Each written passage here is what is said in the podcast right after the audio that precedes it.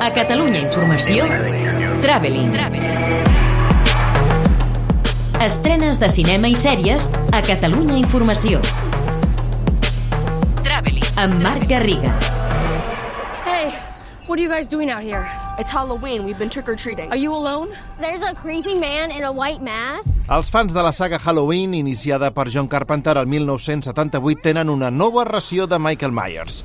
Halloween Kills, però és com un aperitiu a mig dinar, és a dir, és la seqüela de La noche de Halloween, que es va estrenar el 2018, i és la preqüela de Halloween Ends, que s'estrenarà l'any vinent. Vaja, que és el film del mig de la trilogia dirigida per David Gordon Green, que no funciona com a film independent, sinó que per entendre'l cal veure el primer capítol abans i el tercer d'aquí a uns mesos. I això és el que li passa, que es queda mig camí de tot, sobretot d'aquesta alegoria que la protagonista de la saga, una desaprofitada aquí, Jamie Lee Curtis, destacava al seu pas pel Festival de Venècia com el reflex d'aquest món on vivim. For me, I look at the news every day.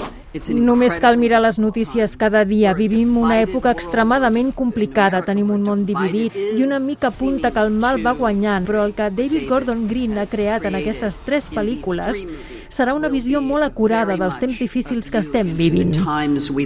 Michael Myers continua en plena forma, però el film no acaba de funcionar per trampós, per poc imaginatiu i el que és pitjor, perquè no ofereix gaire sorpreses. It began as a holiday, eager to escape bright future on the Great.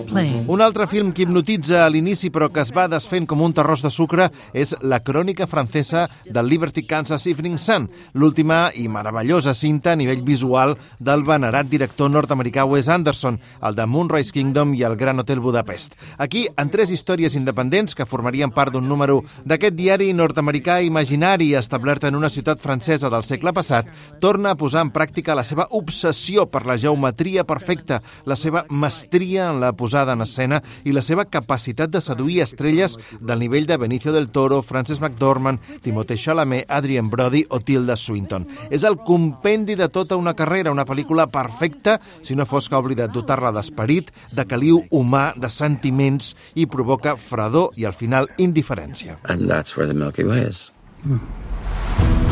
La que sí que té ànima és Supernova, la pel·lícula que reivindica dos grans actors. Aquí són una parella on un d'ells, Colin Firth, intenta espremar al màxim les poques hores de lucidesa que li queden al seu company de tota una vida, malalt d'Alzheimer, i l'altre, Stanley Tucci, vol sortir d'escena amb la màxima dignitat. Una petita joia en la línia d'altres produccions britàniques a l'estil dels amics d'en Peter, no tan ambiciosa però igualment estremidora, delicada i tendra. Completen la cartellera l'adorable cinta d'animació que també s'estrena en català Ron dona error sobre la relació entre els nens i les noves tecnologies, l'extens i magnífic documental sobre l'adolescència espanyola dirigit per Jonas Trueba, Quien lo impide, i la comèdia francesa Entre roses.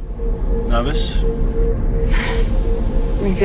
Pel que fa a les estrenes que arriben directament a les plataformes de streaming, destaca La Casa de les Profundidades, que arriba a Movistar Plus el dia 25, després de passar per la selecció oficial a competició del Festival de Sitges, una cinta francesa que indaga en la possibilitat d'ajuntar dos subgèneres, el de les cases encantades i el del terror submarí. I és que aquí els protagonistes, dos youtubers, indaguen i filmen tot el que troben dins una casa que ha quedat submergida en un pantà i que els depararà, òbviament, més d'una sorpresa.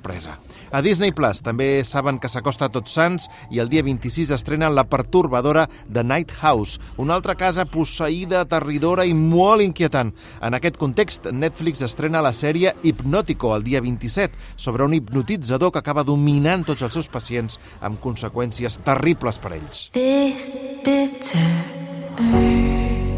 Altres sèries que arriben els pròxims dies. Comencem amb Invasion, l'atac alienígena que aterra el dia 22 a Apple TV Plus i que narra l'experiència d'aquest trauma des del punt de vista de 10 testimonis repartits per tot el planeta amb Sam Neill, el de Parc Juràssic, al capdavant. Al mateix dia arriba a Amazon Prime Infinite, amb una altra estrella com a reclam, Mark Wahlberg, que interpreta un home que té visions de vides passades, que arriba, això sí, amb crítiques molt negatives. Movistar Plus aposta per La sangre helada, una minissèrie d'aventures marines pàgines d'Aldun Ballaner del segle XIX, una lluita per la supervivència que enfronta Colin Farrell i Jack O'Connell, i per acabar, recordar que el dia 26 ja estarà disponible HBO Max. Entre les estrenes que oferirà des del primer dia hi ha Todo lo Otro, un retrat d'un grup de joves madrilenys al voltant dels 30, el reboot de Gossip Girl i la docusèrie Dolores, la verdad sobre el caso Waninkoff. Traveling. Estrenes de cinema i sèries a Catalunya Informació. Amb Marc Garriga.